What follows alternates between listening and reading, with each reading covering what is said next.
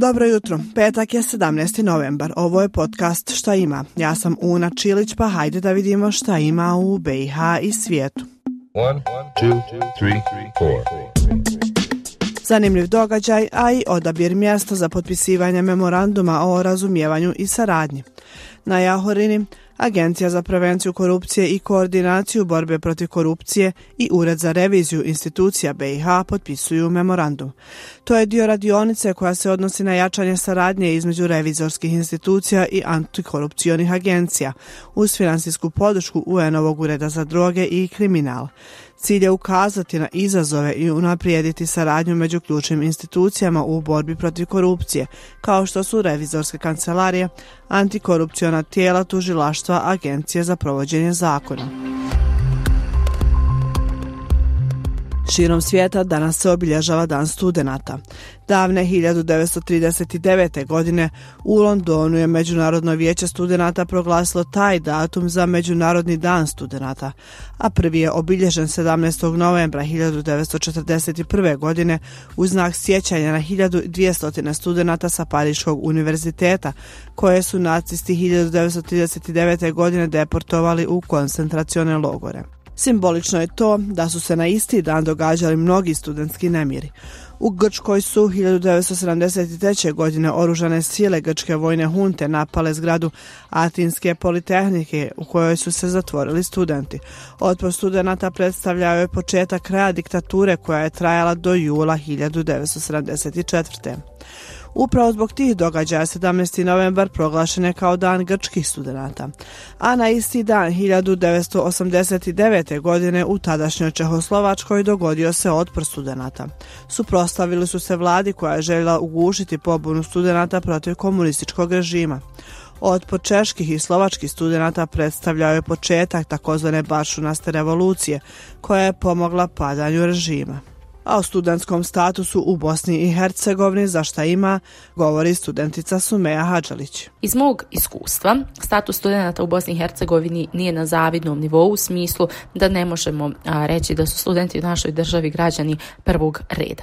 A, dakle, pričat ću o osnovama i na njima ću se zadržati. Dakle, mislim tu na javni prijevoz, popuste za hranu i smješta i druge studentske popuste, I sve to nije potpuno regulisano i mi apsolutno ne možemo da govorimo o usaglašenosti čak ni na svjetskom, a kamoli na državnom nivou. U kantonu Sarajevo recimo vidimo neke pozitivne promjene poput besplatnog javnog prevoza, ali ipak bi bilo dobro da se ugledamo na sve zemlje okruženja i uvedemo studentske recimo kartice, to jeste popuste za hranu u menzama u, u gradu, povoljni i bolji smještaj u domovima, da se podignu studentske stipendije i tako dalje. Ali na kraju status studenta sigurno se dakle može podići na veći nivo, međutim nije sve ni tako crno i uvijek moramo izvući najbolje od onih situacija u kojoj se nalazimo, ali i pokušati unaprijediti postojeće stanje.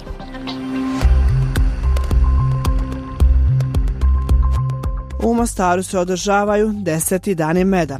Federalni agromediteranski zavod Mostar i Federalni zavod za poljoprivredu Sarajevo organizatori su završnog skupa manifestacije na kojoj će biti dodjeljene plakete za kvalitetu meda u šest kategorija, te stručna predavanja o pčelarstvu u novoj strategiji poljoprivrede i ruralnog razvoja federacije do 2027. godine, kao i podršci pčelarstvu u Evropskoj uniji a ja vam preporučujem da pogledate i video priču naše kolege Ediba Bajrovića pod nazivom Kašika pohlepe u tegli bosanskog meda, o tome kakav med jedemo.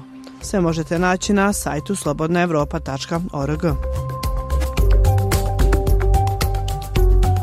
I da dodam još nekoliko zanimljivih događaja.